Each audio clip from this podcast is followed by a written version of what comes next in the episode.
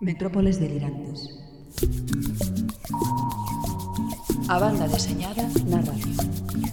Serotonina, serotonina, serotonina, serotonina,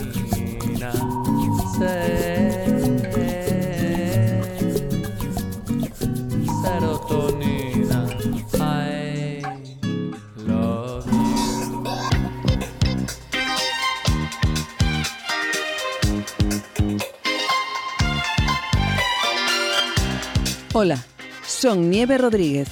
Aquí comeza a 42ª emisión das Metrópoles Delirantes.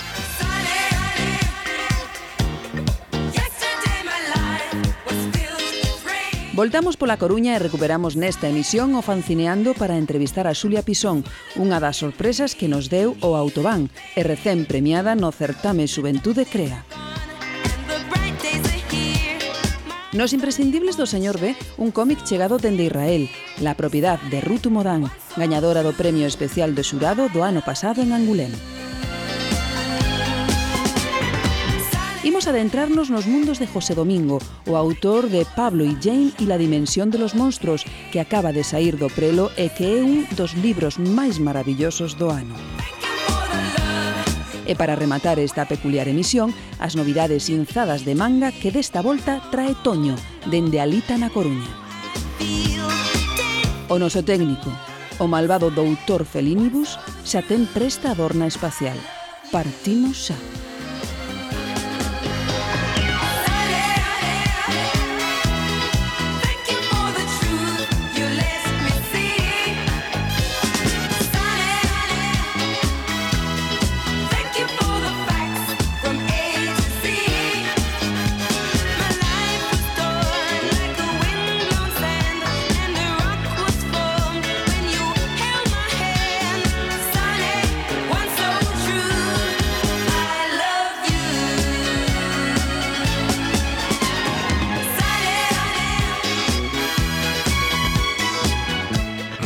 Campus Culturae. Chiamos en arroba metrópoles de. En esa adorna espacial, como sempre, de copiloto, o noso querido señor B. Hola, señor B. Hola. Que tal? Ben. Leu vostede xa o corto maltés? No. Seguiré yo preguntando, eh? Ata que o lea. Ata que o lea. Home, claro que sí, ese vai a ser o noso rolling gag, rolling gag xa yo avisei. E o Asterix? O Asterix, sí. E que lle pareceu? Eh... Bueno, podemos ler algo, eh, na web das metrópoles. non me acabou de entusiasmar, non me acabo de entusiasmar esta nova xeira que levan os autores de Asteris, os novos autores de Asteris. Pareceme que non dan, non dan coa tecla, non sei moi ben se si é que lles costa sacudirse a sombra alongada de Goscinny e Uderzo ou si é que os editores franceses presionan para facer este tipo de, de historias a min non me acaban de convencer as historias. Creo que teñen que darlle unha voltiña máis. Sí, escoitei, bueno. escoitelle que bueno, que non había historia, que eso do viaxe ver onde quedaba, que era inaudito que Panoramix se liase a dar mandobles. Un tamén está fortemente influído polos seus sentimentos, non? Por, por esas historias clásicas de Asterix, eh, hai cousas que non me acaban de convencer, pero bueno, está claro que ten que haber innovación e ten que haber cousas novas nas historias De todas formas, a min pareceme que a historia é bastante bastante frouxa. Bueno, pois de decirlo así. Pero de... bueno, hai hai opinión, outro día falaba con Xaime de cómic e a Xaime, bueno, pareceulle bastante decente. Correcto. Sí, o sea que, bueno, hai opinións para todos os gustos, eso é bo. Eso é bo. Eh, eso é bo. Na diversidade está... O que me pareceu magnífico foi a traducción ao galego. A traducción ao galego é maravillosa maravillosa, e moi ben feita. Xerais, verdade? E edición de Xerais, claro. Creo que é unha mágoa que non exista máis oferta ou que non exista máis BD en galego. Uh -huh. Falamos de TVO Valencia, dese salón que se ia celebrar xa en nada nesa ponte de Nadal, pero que botouse abaixo outra vez. Sí, eh, TVO Valencia está como a economía, está para arriba, para abajo, para abajo, para arriba. Eh, pois é eh, a segunda vez, se non lembro mal, ou, sí, a segunda vez que o adían, Desta volta agardo que non sexan tres anos como a da outra vez, pero van a retrasar hasta primavera, o sea que contan que para marzo ou por aí se poida facer. Eh, bueno, problemas organizativos, de problemas cos, coa oferta editorial. Millor que millor que paren agora que e que cando fagan que fagan ben, non? Uh -huh. Bueno, pois aí queda unha nova data que esperamos esa para o mes de Marzal alá pola primavera en Valencia, que ben merece un, un salón. Sí, o que pasa que tamén se lles vai xuntar co, co de Barcelona. Sí, é certo, sí, sí. Que o de Barcelona é por maio, sí, principios sí, ¿no? de maio, o sea que, bueno, non sei. Está a cousa difícil, aí xa bastantes festivais por todo o Estado español, entón, bueno, as, as datas cada vez van sendo máis complexas. É difícil encaixar un, un salón agora mesmo no Estado español. Bueno, seguimos avanzando eh, non tan lonxe en Valencia, senón en Pontevedra, para todos aqueles amantes de Espirú, hai unha exposición, non? Hai unha exposición de Espirú na fermosa cidade de Pontevedra. Dúas exposicións, en realidade. Unha é de Espirú e outra é de Fabián Bellman, que é o último autor de, de Espirú que está facendo estes últimos álbumes eh, estará aberta ata o 8 de decembro no Pazo de Cultura de Pontevedra. Bueno, pues para todos aqueles, nenos e non tan nenos, esa exposición de Espirú. E bueno, en Santiago por fin imos ter algo de movimento no eido do fancineo, no eido do coming, no?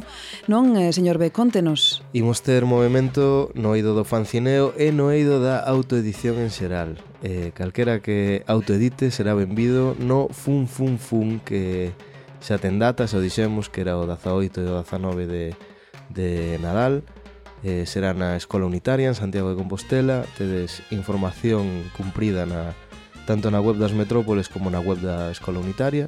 Agardamos que se sea un evento polo menos divertido e, e variado. que, e variado e que o pasemos tan ben como pasamos no autobán ou no, no tengo mamá ou no gripo gripo.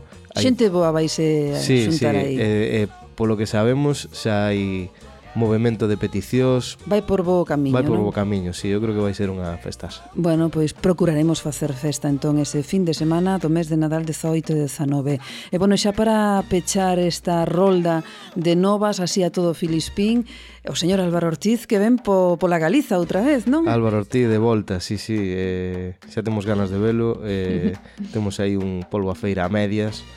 eh, Eh, sí, parece que a finales, bueno, a finales de, do mes de novembro vai andar de xira, vai estar en Ourense, en Coruña, en Pontevedra, en Vigo, en Santiago, eh, vai recorrer toda Galicia. Eu non sei, pero dame a impresión de que este A Álvaro gustoulle moito Galiza e non sei se non acabará vivindo aquí. Eh. Bueno, pois que veña, nos acollemos de moi bo grao a todos aqueles que se queiran instalar na nosa terra, na en Galiza. En Coruña cabe outro, non? En, tamén, en Santiago tamén cabe, eh? Non sei se a Chuiba el que lle... A máis é paz, así que... Sí, é borra, é borra paz, É bo sí. é divertido. É certo, é certo. Bueno, pois aí está esa xira de Álvaro Ortiz por Galicia para todos aqueles presentando a súa nova obra Rituales. Eh, bueno, pois, señor B, arrancamos xa.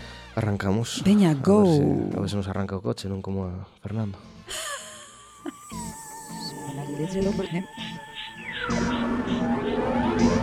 Metrópoles delirantes. las espumosas que me mandan su rumor. Radio Bertoldo es un podcast de cómics y banda diseñada. El nombre es chungo y el contenido mucho más. sobre el mar. Yo tan solo recordando la aventura. Radio Bertoldo está producido y realizado desde la costa noratlántica gallega por Opirandar Gallo, que soy yo, vuestro reviewer de confianza. Y vosotros sois mis churruscos, fieles seguidores del cómic nuestro de cada día. Mirando al mar soñé Escuchad Radio Bertoldo y no os arrepentiréis. Cando imos a eventos de autoedición é un non parar de atopar novos autores facendo cousas ben interesantes. Hoxe nas metrópoles temos a Xulia Pisón que na pasada edición do Autobán triunfou co seu fanzine Macactus e que ven de acadar unha mención especial nas xornadas de BD de Ourense e ven de recibir unha noticia, unha nova fantástica da que estábamos pendentes, que era un fallo de outro premio o que ela, un concurso o que ela se presentase. Xulia, benvidas Metrópoles. Hola. Bueno, o que decía Vamos, dinos, esa noticia coa que te despertaches hoxe. Pois nada, eh, avisarme de que me concederan o primeiro premio do Xuventude Crea de EBD. O sea uh -huh. que Estás Estamos. contenta. sí, sí. bueno, é un motivo máis para mm, reforzarte no, no teu empeño de seguir adiante coa BD, porque a túa historia é un pouco... Mm, sí, sí, bueno. Non rara, pero sí non o uso, non? Sí, é dicir, ti deixas todo o que estabas facendo para facer cómic. Contanos. Bueno, pois eh, a miña historia hasta certo punto é atípica, non? levo dibuixando toda a vida, eh, gustaba dibuixar de adolescente, pero, bueno, non sei, por cousas da vida, non sei. Non sei que foi o que me levou, pero cando acabei o instituto, en vez de irme a facer bellas artes, pois ou ilustración, pois decidín facer enfermería. eh, estudiei enfermería, fixeme enfermeira, traballei de enfermeira, Pero o debuxo sempre foi algo que estivo aí, a, a, as ganas de contar historias. E, entón, eh, fai aproximadamente un ano, por bueno, motivos eh, varios, eh, o traballo de enfermeira nunca me... Nunca te gustou? Nunca me gustou demasiado, non é que o fixera mal tampouco, pero no, bueno, non era o típico que, ver, que sí. non, nunca tiven moita vocación. Entón, bueno, pues, eh, apunteime nun curso de cómic con, con un colega, un curso que deu Guitián, por certo. Ah, amigo. E aquí estamos. e dixeches, mira, deixo o sí, traballo... eh, fai un ano do decidín deixar... Eh, non deixar o traballo, senón darme unha oportunidade darlle caña ao tema do cómic, a ver que pasaba, e bueno, agora mesmo matriculeime na Pablo Picasso en ilustración, a ver que pasaba tamén. É todo, é todo probar, eh? o sea, vou pasar dous anos probando a ver que pasa, E, e bueno, pois pues parece que temos resultados por, pois, pues, eh, polo sí, momento. Sí, sí, porque ademais desta de gran noticia que acabaches de recibir dese primeiro premio no Xuventude Crea, tamén tiveches unha mención especial nas xornadas de BD de Ourense, non? Tamén, tamén. Sí, non? Cunha cousa totalmente distinta do teu fanzine Macactus, sí, unha historia corta, sí, sí. Eh, máis seria... Uh -huh. que, que, que era a historia? Bueno, a historia do, do certame ourense é eh como te dices, unha historia corta, así de é a historia de do que pasa cando tes unha ruptura, ou uh -huh. do que che pode pasar, o que todos vivimos de levantarte nunha casa vacía e que che veñan á cabeza imaxes eh, da tua parella ou de momentos eh, esas imaxes que non podes controlar É unha historia moi corta, en realidad, pero bueno. Pero intensa. É intensa, sí. Por lo que estás sí. contando, non? Por o... Sí, sí, sí. Eh, Pero bueno, ten un final... Bueno, é a historia da, da, da, de como de como unha persoa pode reaccionar a unha cousa así, non? E eh, foi a mesma historia coa que te presentaches a este de Crea? Non, non? non é outra to, totalmente é outra. distinta. Sí? sí? Sí, o da Xuventude crea unha historia de ciencia ficción. Caramba, pero tiras ya todo. Bueno. É dicir, o fanzine eh, botaste o humor, e un humor non o uso. Aparte, as tiras cómicas é un xénero bastante difícil para chegar ao público e para que calen o público, non? Bueno, das a ciencia ficción, as cousas máis in intimistas, bueno, pero... Sí, realmente o que a mí me gusta facer é o que se me dá mellor ou o que máis me interesa é a historia non, in, sí, intimista. Incluso esta historia de ciencia ficción ten moito de intimista porque bueno, é unha historia de dous astronautas que quedan eh, tirados nun planeta. Isto é antes de que salira el marciano, eh? aviso.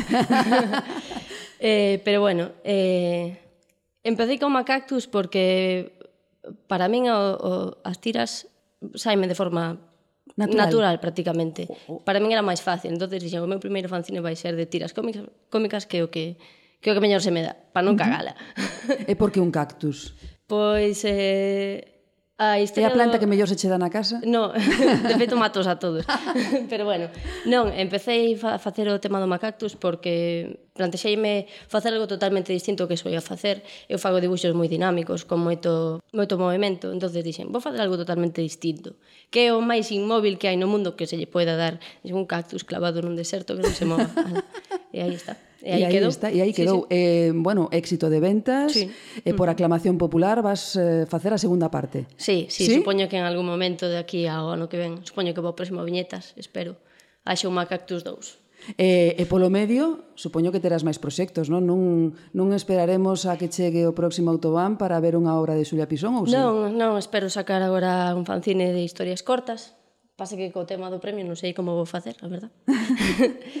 eh, de, de, de de corte así máis serio, de, bueno, o que decíamos, non? Eh, pois, eh, pois o típico, cando empezas a moverte neste rollo, hai xente que, que che propón cousas a medias, entonces está aí todo un pouco no aire, pero bueno, si sí, espero sacar unha ou dúas cousiñas polo medio. E para cando unha obra longa, unha novela gráfica? Uh, boa pregunta.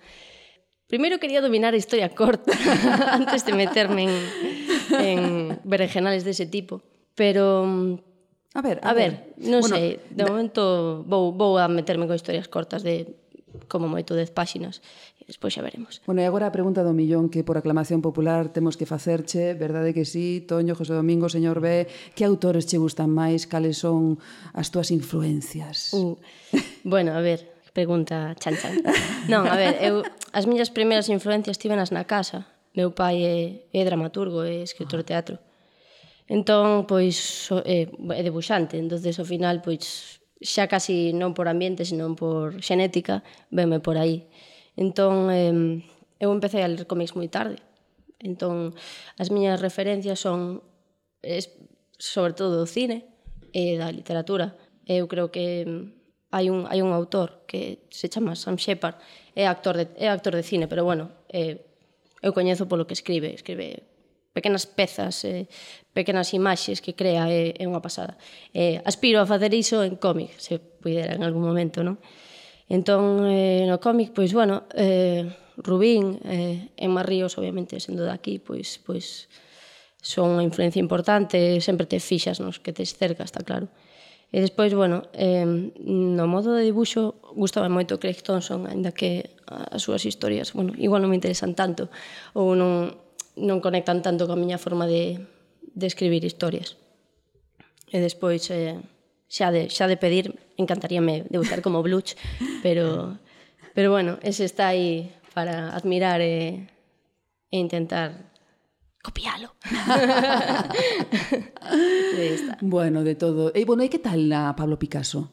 Ben, moi ben. Sí? Bueno, estou rodeado de xente moi nova, pero son todos bastante bastante majos, moi riquiños e eh E, bueno, aproveito para mm, desenvolver facetas de traballo que, que na miña casa non fago porque ao final en casa faz o que faz sempre, o que se che dá ben e non, non, non intenta facer outra, outras cousas. Entón, aquí, pois, dame a oportunidade de, de probar outras técnicas, outros modos de traballo e, e de ver que fai outra xente que, claro, estando na casa, pois non, non podes. Efectivamente. Se non saes do teu sí. choquiño non Exacto, non aprendes, sí. non? Eh, bueno, para todos aqueles que non teñan o Macactus, que é o traballo que ten Xulia editado, o seu primeiro traballo, poden entrar no seu Facebook, que aí ten cousas colgadas maravillosas. Recórdanos, lembranos o teu Facebook, Xulia, para que todos poidan entrar eh, aí. Xulia Salta Charcos. Xulia Salta Charcos, aí está, ese é o seu Facebook e ali poderedes comprobar Bueno, esas maneiras eh, que ten Xulia Pisón que esperemos que algún día cheguen a ser alardes, como de José Domingo. Moitísimas gracias, Gracias Xulia. a vos. E parabéns por ese Gracias. premio. Seguiremos en contacto. Moi ben. You want some time, you want your peace of mind. Only love will take you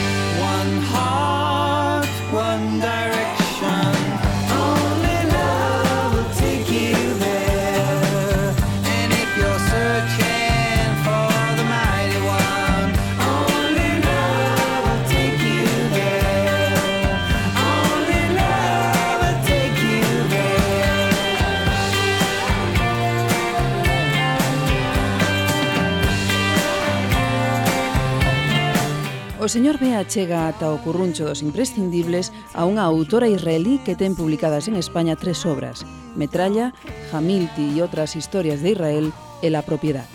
La propiedad foi a gañadora do Premio Especial do Xurado o pasado ano en Angulem, unha obra na que a súa autora conta unha historia de reencontros, emocións, romance, intriga e paixón.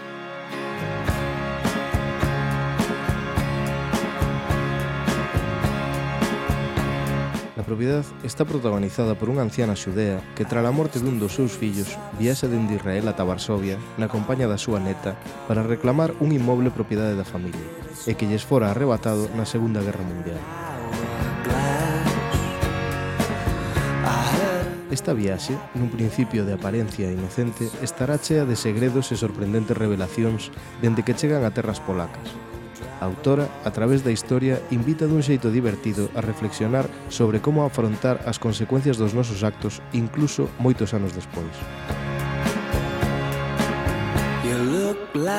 A obra está dividida en sete días. En ela vanse desenvolvendo situacións ben fiadas, historias que rematan nun final redondo agasallándonos momentos inolvidables. Un despregue de talento por parte de Rutu Modán que fai que pague a pena facerlle un oco na nosa vedeteca. Todo isto a autora conta gráficamente a través do uso da liña clara e unha suave paleta de cores aplicada dun xeito delicado, elegante e sutil. A combinación perfecta do guión e da parte gráfica dá como resultado unha obra pola que avanzamos en perfecta comunión entre ficción e realidade, enchendo o relato de grandes personaxes e pequenos momentos cheos de sensibilidade e beleza. Podemos afirmar que tralo éxito das súas obras, Rutu Modán forma parte dos mellores autores do panorama actual da historieta.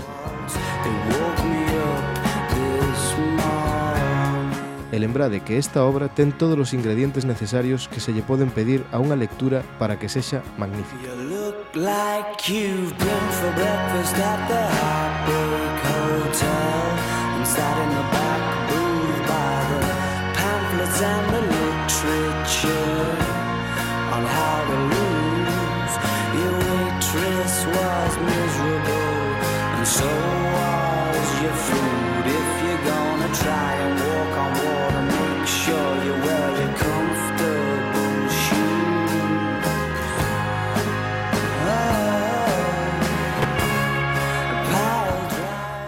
Antes de comenzar, un aviso. Nada do que poidamos comentar nesta mesa chega a describir o traballo e a beleza que hai nas páxinas desta obra, polo que a nosa recomendación é que o merquedes e lle fagades un favor aos vosos sentidos. Ides gozar infinito. Bueno, hai máis dun ano e medio do primeiro viaxe de José Domingo eh, ata as metrópoles. Daquela volta veu falar da, de aventuras e de conspiraciones. E tamén adiantaba algo da obra que hoxe por fin temos entre mans. Aínda que parecía imposible, Pablo y Jane en la dimensión de los monstruos volve ser unha obra que nos deixa literalmente ca boca aberta. José Domingo, benvido de novo. Hola. ¿Qué tal? Bien, bien. ¿Qué gracias tal es? por invitarme. Bueno, gracias, gracias a ti por estar con nos nas Metrópolos outra vez. Bueno, que tal toda esta viaxe, todo este tempo traballando neste proxecto? Como xorde Pablo Jane en la dimensión de los monstruos? Volveches, toloti, volveches de tolo ti soiño ou hubo un encargo polo medio? Bueno, axudaronme un pouco a volverme tolo, sí, a, a verdade. Eh, isto foi, pois, eh, Flying Eye Books, que é o, o selo infantil de, de Nobrow, dos que publicaron o oficinista xaponés, que querían facer un libro de monstruos. Simplemente esa era un pouco a idea, querían facer un libro de monstruos máis ou menos alrededor do mundo, con, con ilustracións así, con, con eh, dobres e tal de cada sitio. Pero a verdad que a partir de, a partir de aí deixaron no aberto. Simplemente contactaronme porque pensaron que ia, ia, ia funcionar ben o, o, meu, o meu estilo para facer os monstros e tal. E, e de aí tiramos para, para diante. E, e, falando con eles, empezamos a dar un pouco forma, forma ao libro. E moita, moitas das cousas que hai no libro xordiron a, a raíz de, de pensar no libro, de empezar a traballar e demais. De feito, pois, eh, non había unha historia, se creou unha, unha historia, unos persoaxes, un, e bueno, todo o que o que sucede ao final é o esqueleto era moi de moi delgadiño, moi uh -huh. delgadiño. Bueno, son 48 páxinas, non? Sí. Coido que sí. 48 páxinas. Canto tempo che levou facer eh, Pablo e Jane 48 páxinas? Porque ten un traballo que logo falaremos máis adiante. Pois levou moito tempo. Eu estive traballando sobre todo a parte gorda de traballo foi durante o ano pasado, durante 2014 O libro está rematado desde xaneiro do, do 2015, así totalmente rematado pola miña parte, a pesar de logo ter que facer correccións e demais. O sea que máis ou menos un ano, va, pero o, o ano anterior, en 2013, empecé a facer algo de guión, de deseño de personaxes, un poquinho, pero a parte gorda foi 2014. Que pasa que non sei calcular moi ben porque o tempo estaba traballando na peli de, de Alberto Vázquez, en Psiconautas, uh -huh. co sí. cal, pois, eh, non, non podo aí medir moi ben o, o tempo, non? Tal vez se, se soubese traballado en Pablo e Jane, pois pues, hubieran sido oito ou nove meses, tal vez, facendo o libro. No, nos escoitábamos, eh, José Domingo está pechado na súa casa, non sae, está agobiadísimo de traballo, o que dices ti, unha película polo medio que mm. che saiu e que tiñas tamén que adicarte a ela. Claro. Como organizas o teu tempo? Decir, non pensache en algún momento, pero eu por que teño que facer estas cousas? A, a verdade é que sí, a verdade é que sí, eh? moitos, moitos ratos eh, que pensas, hombre, eh, Eu estaba, estaba máis guai se podise ir, ir ao cine, e ver unha peli e estar un ratiño bueno, tranquilo. Non, non así o millor, porque ti o teu é debuxar e tes que facelo para que sí, nos pero... poidamos gozar do teu traballo, pero polo menos decir, por que non me meto nun traballo máis doado? Máis sí, fácil. Chega, eh, facer, es que facer estas cousas é bastante... Uf. Non, non, non digo só por, por, porque este libro en concreto ten un montón de, de persoaxes en cada páxina e moi traba, eh, moi, moito traballo, traballo, aí. moito traballo, sé, pero Pero en realidade que facer un libro é unha tarefa así de solitaria, ardua, hai que estar pendente de moitos detalles, e, e, e non acaba, parece que nunca acabas de rematar, porque unha vez que o tes debuxado, de no, eh, lo tienes que, que entintar, de, despois lo tienes que colorear, e pasas por o libro como tres ou catro veces, e repasas os detalles. En este, ademais, que hai que buscar cousas, e hai sí. moitos detalles nos debuxos, sí tens que comprobar que este todo aí, que non mete, meterás a gamba, e logo hai, que buscar cousas que non hai ou, ou que etc. Hai, hai moitos detalles nos que nos que fixarse. Pois sí. Bueno, Pablo, imos, imos meternos no libro. Pablo e Jane é unha historia de aventuras, chea de monstruos que traslada os seus protagonistas e, por ende, o lector a unha realidade alternativa a través dun salto dimensional deslumbrante. Aínda que en principio pode parecer un libro para nenos, é super divertido tamén para os adultos, non? Sobre todo se nos fixamos na arte e na cor. Eu teño che que dicir que pasei dous días seguidos atrancado nun mundo buscando un obxeto que non era quen. Dice, Dios mío, ou son lerda ou Xosé o domingo fixo moi ben o seu traballo, non sei. Estaba aí, estaba aí. Sí, sí, estaba aí, estaba aí. É dicir, para nenos, pero non tam, tampouco para nenos. Sí, o, o, digamos que o público o que vai dirixido é nenos de xa un pouco máis maiorciños, a partir de 8 anos ata 11, 12, así. Eh, eu a verdade que por como dibuxo eu, encontro complicado que sexa para nenos máis pequenos. O sea, realmente é, eh, é eh, un salto que eu non, non sou, non sou quen de dar por, Polo que tal vez o, o traballo realmente é o mesmo tipo de debuxo que no oficinista, é o mesmo que fago que, que, que eu fago sempre. O me vais vais variando algunhas cosas, pero pero non é, non é diferente, co cal por eso coido que os adultos se poden meter tamén no rollo, eh? ver, ver os debuxos, ver os persoaxes tolos por aí, que por, por ese lado a xente que teña pois que goste do debuxo, dos cómics, pois vai encontrar gracia. Home, obviamente o guión non é un guión adulto nin moi desenrollado, nin, nin personaxes con nin complexos nin nada, non, claro. Nin con moitas capas, nin con problemas existenciais, son basicamente dous nenos que van de aventuras, entonces Eh, pero bueno, co coido que a historia é divertida tamén, e que os personaxes son... A min gustame, pillelles bastante cariño. Sí, sí, bueno, son, é para pillarlles cariño, eh, porque... Sí. Jolina, solamente lendo xa... Mm. Hai personaxes aí moi guais, eh, o gato... O... a nos parece unos maravilloso. A gata, a hai que sacarlle máis. É o teu?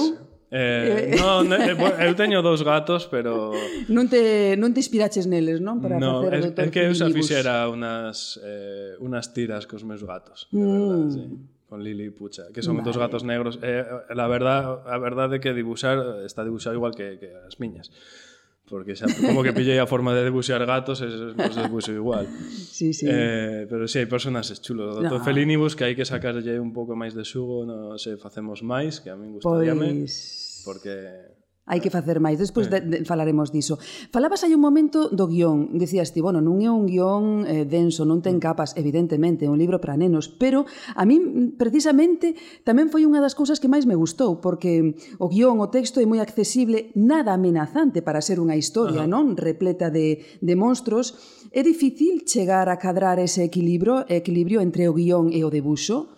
Sí que é, eh, de, de alguna maneira, sobre todo por por exemplo, porque ti pensas como vais contar algo e logo necesitas como eh, o espacio físico para contalo, porque ao principio eh, queríamos facer a historia de, que abre que abre o libro dunhas calculamos como de 4 ou 5 páxinas, ao final son 12 máis outras dous, dous que metimos logo, xa pensamos que facía falta meter un prólogo eh, cando eles van na dimensión dos monstruos hacía, facía falta meter outras dúas páxinas de cómic que explicasen un pouco o que había que facer no libro uh -huh. e que te situasen para que non fose moi abrupto e ao final son pois eso 14 páxinas de cómicos ou algo, algo, algo así que que, que ao principio iban ser 4 4 ou 6 páxinas para contar unha historia moi sencilliña e aí está un pouco a dificultade foi eso, ir, ir, ir engadindo páxinas e, e realmente para contar unha historia moi sinxela de golpe había que, que bueno, explicar bastantes cosas. Sí. Eh,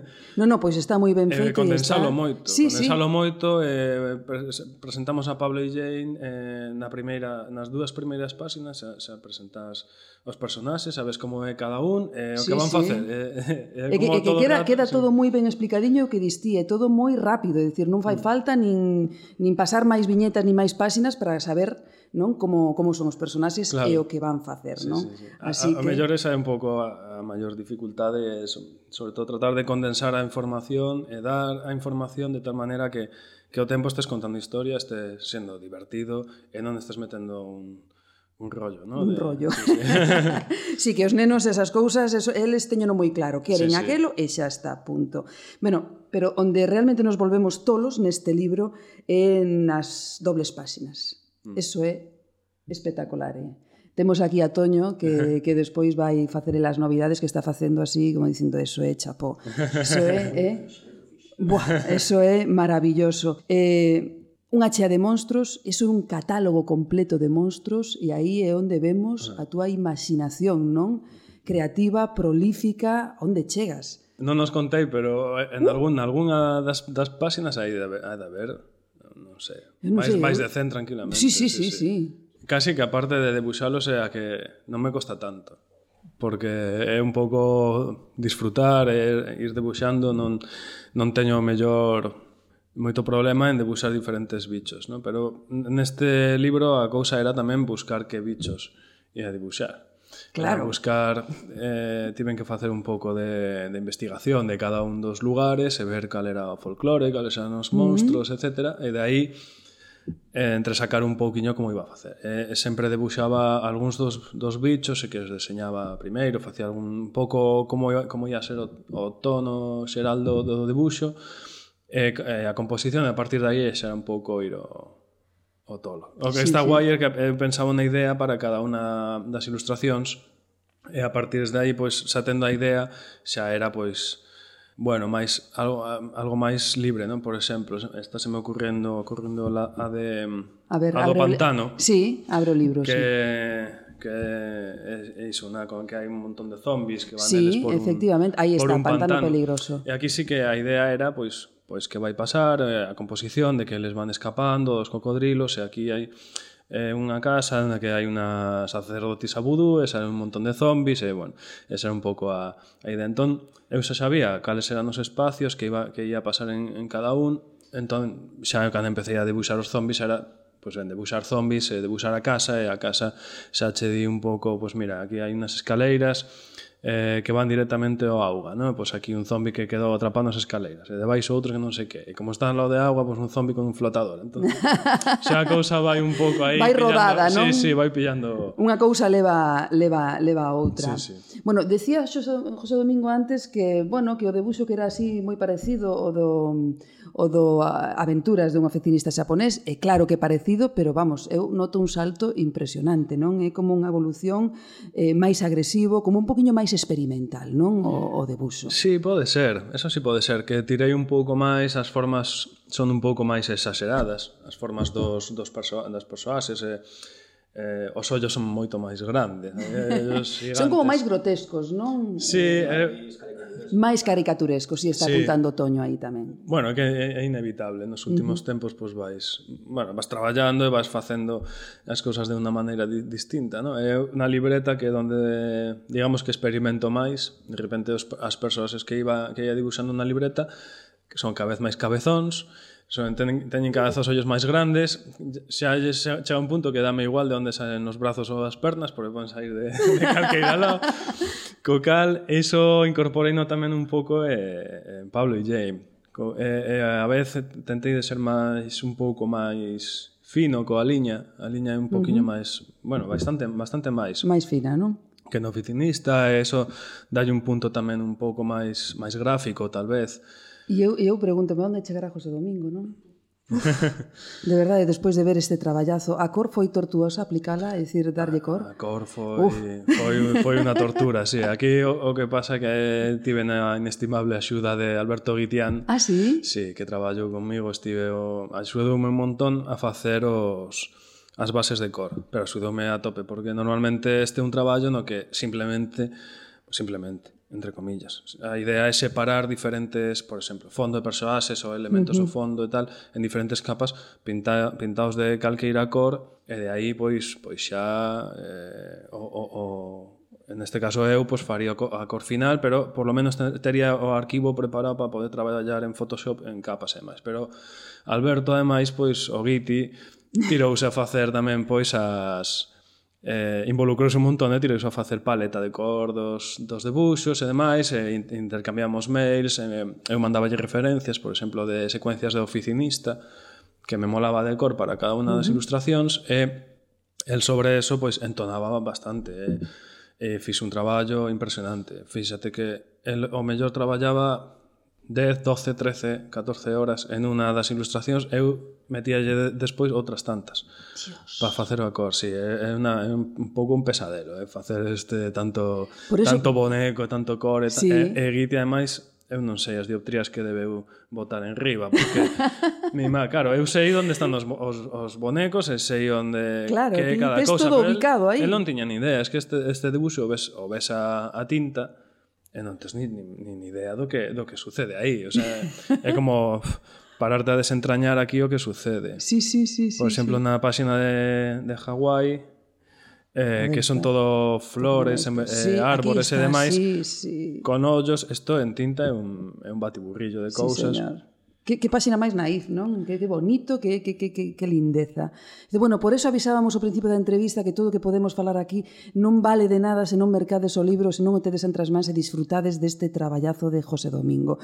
Non quería eh, deixar de incidir nun valor engadido do libro, que é eh, o seu sentido didáctico, Ajá. non? De xogo dos nenos, é dicir, é un libro interactivo, que é outro sí. dos atractivos deste libro, non? Ten que buscar cousas os nenos, os pais, aí poden xogar todo o mundo. Sí, é, é pouco... A verdade é que non recordo se estaba desde, desde o comenzo esta idea. En realidade, fomos vendo os debuxos e fomos vendo que, que molaba, pois, eh, que fose un que tivese tamén que buscar.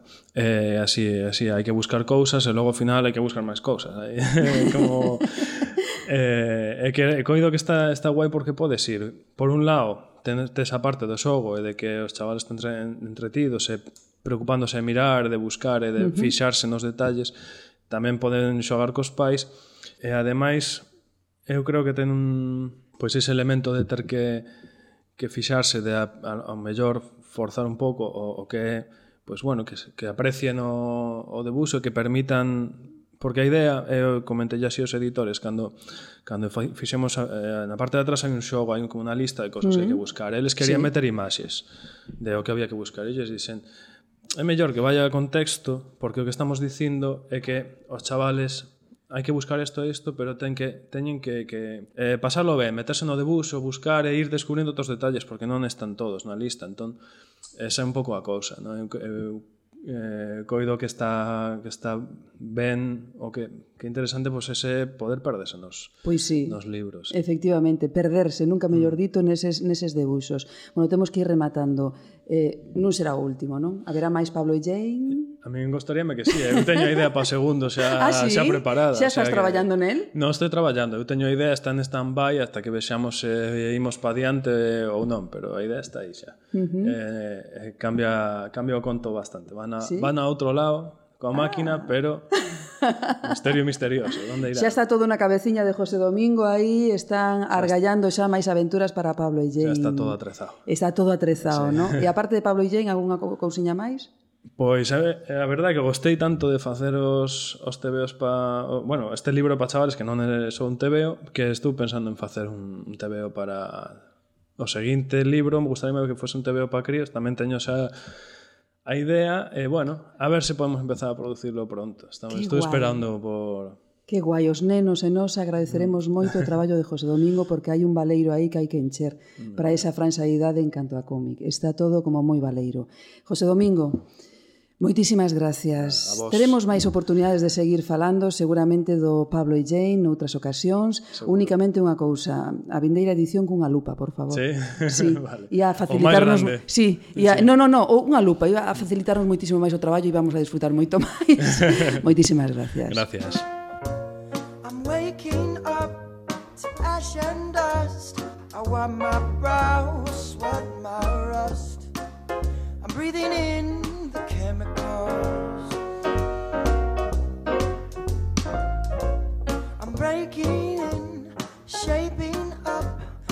checking out on the prison bus. This is it, the apocalypse. Whoa,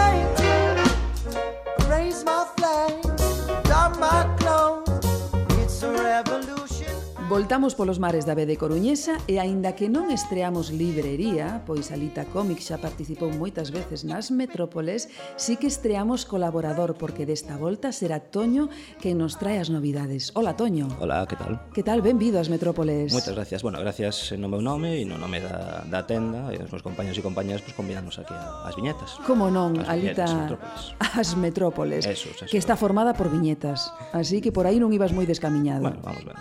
Así que grazas gracias a Alita Gómez e gracias tamén a Titoño por estar aquí. Bueno, a ver, veña, que nos que nos bueno, traes? Sei que habides do, do mundo do manga aí que hai moitas novidades. A ver, no, que joder, casi nunca fala desde manga, entonces hai que sacar un poquinho de tema, aparte acaba de ser o Saló do Manga en Barcelona, sería un mogollón de novedades boísimas e que hai que comentalas, oye, que, que menos. Mira, eh, primeiro, eh, este é un pouco tocho, pero está cojonudo. En este rincón del mundo, de, de un autor que chama Fumillo Couno, eh, xa ten sacado algunha cousiña en España, complicado de atopar, pero que está xeñal. Isto conta a historia eh, a historia cotidiana dunha rapaza en, que viven eh, pola prefectura de Hiroshima. Mm, estamos falando dos anos 30, Eh, e, bueno, eh, a historia leva xusto a un porto, ela casase, e vai ao porto eh, máis importante, eh, militar, máis importante de, da prefectura de Hiroshima, que é o, o de Como. Eh, ali, bueno, pues, desenvolve a súa vida con normalidade, pois pues, está casada, pois pues, evidentemente non é unha familia rica porque está casada, é un, bueno, son xente, digamos, normal, ten a súa or, a súa orte, todo eso. E, bueno, eh, empezan os bombardeos. Aí é onde empeza, digamos, eh, a, a aventura. É un tabeo completamente costumbrista, con toda a cotidianidade, che vai contando un pouco ese reflexo do que non sabemos, ¿no? porque claro, sabemos moito das vidas dos militares, pero sabemos pouco da vida dos civiles eh, como vivían, que facían, eh, como sobrevivían o día a día, como pasaban, como lle repercutía eh, a nivel emocional, eh, personal, digamos, todo eso. Entón, esta, esta autora fala basicamente desto. Aparte la con coñecemento de causa, ela é de Hiroshima, Fumio Kono, eh, nació en Hiroshima, e mm, parte da súa familia pois, pues, foi evidentemente afectada pola, pola bomba, pola, pola radiación da bomba. Entón, bueno, perdeu alguna, alguna parte da familia, tal. Entón, bueno, un tebeo, coñecemento de causa, escribe. Efectivamente. É un tebeo espectacular. É dicir, eh, a historia é super bonita, eh, gráficamente é como moi simple, moi naif, ten uns dibuixos como moi moi sencilliños, pero moi profundos, como con moita carga emocional e, e super ben dibuixado. Un tebeo que, bueno, super recomendable para xente que lea manga e para xente que non lee manga, pero que quere ler boas historias. Pois, pues, bueno. en este rincón del mundo. Este pois pues publicado por ah, Enmon. Aí estamos. E 26 euros que costa. 26 euros que sí, costa, eh, pero este un tochazo, pero isto sí, que sí. son, un casi, integ... son casi 500 páxinas. Sí, claro, sí, pero isto que é un integral. Sí, integral. Ah, vale, todo, vale, todo, porque sí, os mangas sí. son máis pequeniños, estamos máis acostumbrados sí, a... Sí, pero bueno, ponenmon a veces, bueno, e as Tiber a veces sacan formatos un poquinho máis grandes, máis orientados a adulto, lóxicamente, porque, bueno, xa ten esa idea, ese rollo da novela gráfica e tal, claro. pero isto é unha novela gráfica, eh, é exactamente sí, sí. mesmo. Non hai que pensar nela tanto como nun manga, como pensas, por exemplo, pues, en Naruto, claro. sino como unha novela gráfica, unha historia que ten principio, ten fin, e que, bueno, que eso, que tedes que ler porque é espectacular. O sea, bueno, pois pues aí queda esa primeira recomendación feita por Toño. Con que seguimos, Toño? Seguimos, seguimos... con máis manga ou, manga ou non? Eh, despois enganchamos con ah, vale. manga, pero agora vamos a, vamos a cambiando de tercio. Eh, o seguinte TVO é eh, Non me pises que llevo gafas. Este é dun, dun monstro, chamase Jorge Monlongo e este é unha máquina. O sea, é divertidísimo. É un TVO no que eh, reflexa a cultura hipster con todas as súas mm, basurillas, digamos, todas esas, todas estas, estas, estas movidas raras de querer ser el que más el más guai, el que más sabe, pero no, realmente non ter nin puta idea. O sea, ese tipo, ese tipo de personaxe que seguro que conocemos todos, que é o típico sí. sábelo todo. O que fai Jorge Monlongo é facer simplemente un reflexo, incluso un reflexo en un certo punto cariñoso, é dicir, o sea, visto con perspectiva humorística, pero con moi mala leche, o sea, moi moi mala hostia. Eh, hai unha hai unhas partes xeniais eh, cando se conocen os dos protagonistas, que son pois pues, eso, dous hipsters, un é niña hipster de feito e outro é chico gay. moi divertido que nada, que conócense pois pues, nun nun bareto, un bareto cutre madrileño que, bueno, nomeadamente o Palentino E, e a coña é que se conocen eh, o chico gay está dibuixando, non? Está facendo aí un dibuixo e o primeiro que dice, bueno, gay en shorts, perdón, gay en shorts, é o nome do, do, do, do protagonista. Dice, gay en shorts, dibujas peor que el heavy de mi instituto. E dice outro, para ser ilustrador non hace falta saber dibujar, niño hipster, basta con transmitir rollo. e, e, e así, e así, e bueno, e todo así, o sea, toda, toda a historia en ese plan. Gráficamente espectacular, Jorge Monlongo era un tipo que que moitos recordarán no Manglar tiña unha serie, pero bueno, este tipo traballa sobre todo para Estados Unidos. Ten feito as adaptacións a cómic de Vaca e Pollo, de Hello Kitty, Eh, teño por aquí algo máis anotado que estaba moi guai eh, bueno, Mr. Peabody e Sherman que son uns personaxes bastante conocidos e ten feito en Estados Unidos pero para, para o mercado xaponés unha cousa que chama Mameshiba que eran unos muñecos con forma de, de fava que, pero con cara de can e que tuvo bastante éxito, parece ser. Este tipo é, é genial, o sea, uh, eu estou deseando multidisciplinar. Que, sí, sí, estou deseando que traigades as metrópolis para para facer unha entrevista Joder, porque pues claro que sí. Sí, sí, sí este vale Efectivamente, está fichadísimo xa dende dende agora. Dende xa. de, eh, quen edita? Edita eh... Caramba e uh -huh. o precio é son 13 euros. 13 euriños. Este, bueno, está son, ben. non sei sé cantas páxinas son, deben ser sobre, bueno, 80, 90 máis ou bueno, menos, pero, pero bueno, ben. super ben invertido. Este este é un must tamén. E seguimos con? Seguimos con outra cousiña dunha autora canadiense estadounidense chamada Emily Carroll, o como chamase Cruzando el Bosque. Este TVO, bueno, saliu a finais do mes pasado, pero isto vale a pena comentalo porque este vale moitísimo a pena. Eh, isto ten que ver co terror, eh, un terror destes atávicos que ten que ver cos contos infantís, estes medos de eh, o lobo, o monstro, a cousa desconocida e tal. Eh, gráficamente espectacular, vou pasar a, non o vedes, pero estou pasando a Neves o cómic para que voten sí, un vistazo sí, sí, para sí. que Eu sempre boto unha ollada a todo. Cos debuxos que ten esta muller, é eh? unha muller ten un estilo Recórdame un pouco, non sei se o conocerán os, os, os ouvintes, eh, unha autora que se chama Kate Beaton, que tamén é canadiana, eh, fai un tema que se chama Harka Barakan. Eh, ten un estilo parecido tamén, copianlle moito as chavaliñas estas, as que fan isto de problemas del primer mundo, eh, non me acordo o nome. Las Pacheco, efectivamente. As Pacheco ten un toque parecido, pero esta é moito máis é, é moito máis currado, que o dibuixo está espectacular, tipo xoga coas viñetas, xoga cos coas coas calles que hai entre as viñetas para facer eh, camiños, e eh, de repente hai unha páxina completamente en negro cunha pequena viñeta final no que se desvela quen é o monstro e tal eh, terror victoriano, pero moderno, digamos, eh, dándolle unha volta, bueno, as cores xa ves neves que sí. son espectaculares, eh, espectaculares. Eh, chaman moitísimo a atención. Bueno, Están botándolle unha ollada así por riba, sí. Mm, mm, vexo que lle ten moi ben collido como plasmar, non, o sí. terror sí, sí, nun sí, cómic sí, sí. que é moi difícil, Aí, non? Ese mecanismo do terror este, teno collido, teno non? moi pillado, é capaz de como xoga moito coa estructura, porque ela vende ela vende webcomic en realidade. Este uh -huh. como a primeira recopilación en papel que saca, Eh, e ela está acostumbrada a xogar co, co formato, claro, ti cando fas, estás facendo unha página web, pois non te limitas a un espacio físico, senón que ti podes facer, pois, sí. podes xogar por os lados, para arriba, para baixo, e ela é o que fai moito. É, é unha é espectacular, te veo super recomendable tamén para noites de noites de así oscuras, que estés solo en casa, botarlle un vistaciño e, e acabar, vamos, acojonado perdido, o sea. Editado? Editado por Sapristi Comics e isto costa 21,90 euros. Este, pois... xa digo que pois si podedes pillar partidario porque non es, non está sendo como moi moi reconocido en Estados Unidos, sí, en Estados Unidos levou bastantes premios xa. En España de momento parece que lle costa arrancar, e eh, vamos, dos do mellor deste ano, sin dúbida, eh, para Pois pues, pois aí queda esa recomendación Cruzando el bosque de Emily Carroll. Perfecto. Continuamos. Outra cousa máis, cambiamos outra vez de tercio, El corazón del imperio. Isto é unha reedición. Isto xa saliu editado en España. Sí.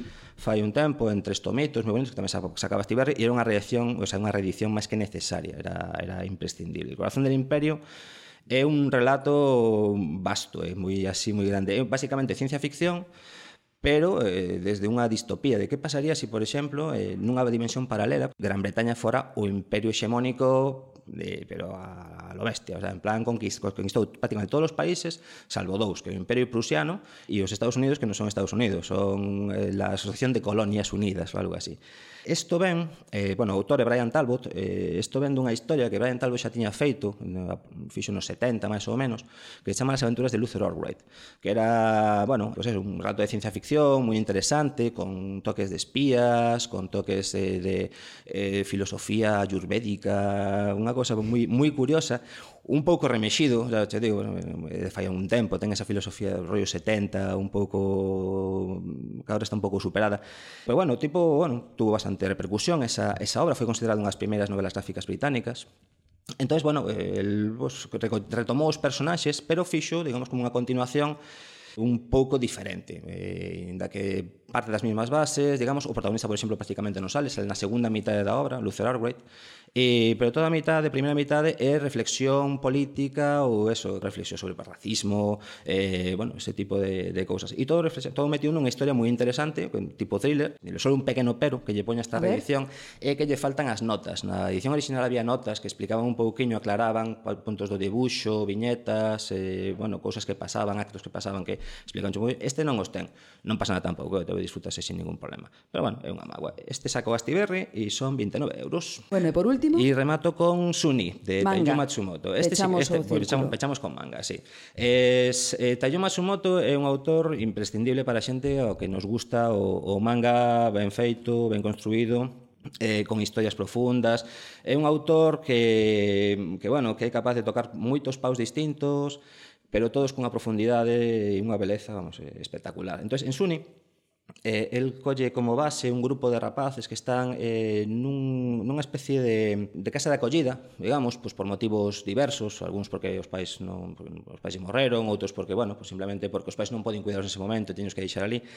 Eh, chamase Suni porque, bueno, eh, o, o principal xoguete que teñen eh, está no patio, é un Nissan Suni, que é un modelo así destes clásico, destes así coches feos, cuadrados, eh, de color amarillo. E no cal os chavales pues, se meten e, claro, se poñen a soñar, pois, que voan ou que van a non sei donde, que escapan, digamos, son todos soños de, de, de, de fuxida.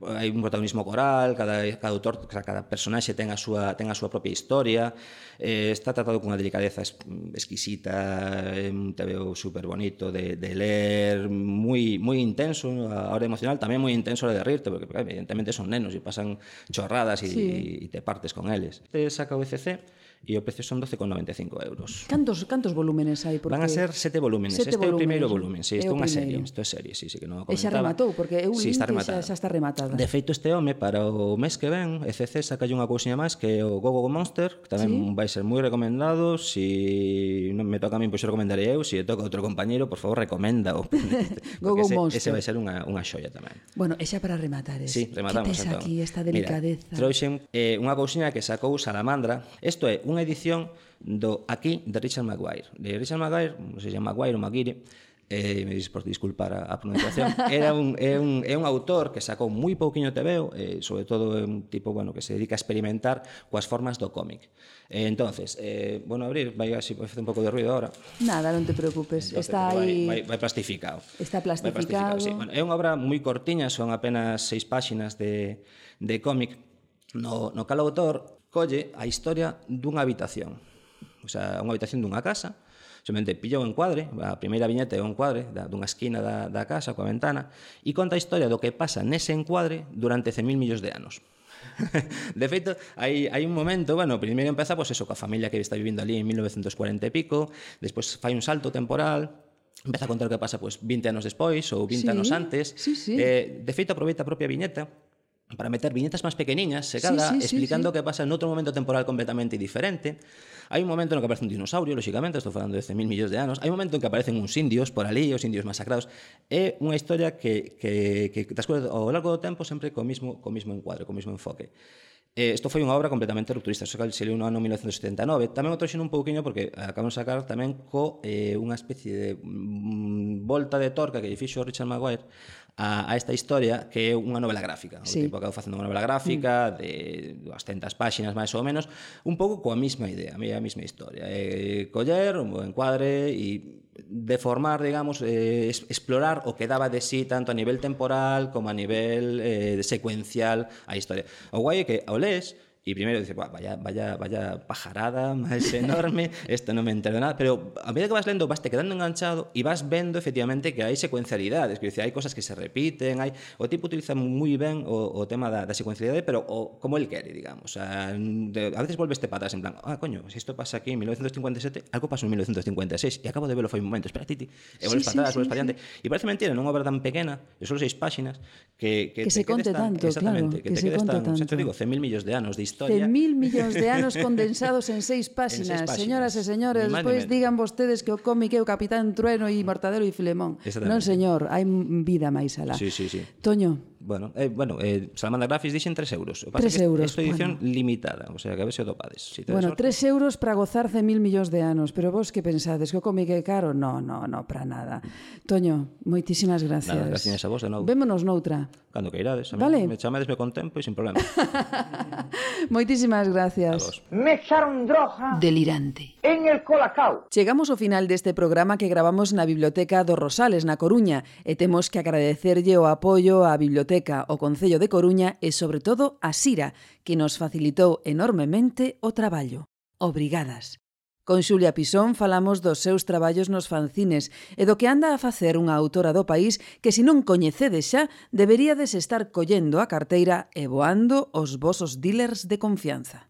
O señor B fixo imprescindible La propiedad, unha BD da israelita Ruth Modán, desas que tanto lle gustan a él, de historias reais e cotiás, pero sobre todo ben contadas. Atravesamos dimensións cos lápices e as tintas de José Domingo e enfrontamos monstros viaxando por mundos maravillosos descubrindo como fixo o seu novo e espectacular libro que, aínda que pensado para os cativos da casa, ídolo gozar todos. Na parte final, Toño, de Alita na Coruña, veu para nos contar cales son as novidades máis interesantes, unha festa para os sentidos e unha desgraza para os aforros. Xa sabedes que estamos empeñados en rematar este ano sendo máis de mil no Twitter. Seguídenos en arroba metrópolesd e pasade tamén por metrópolesdelirantes.com. Ali seguimos falando de BD.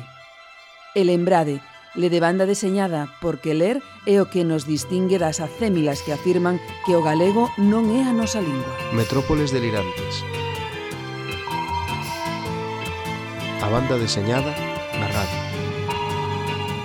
The colder the night gets, the further she strays, and he doesn't like it being this way, and she tried so hard.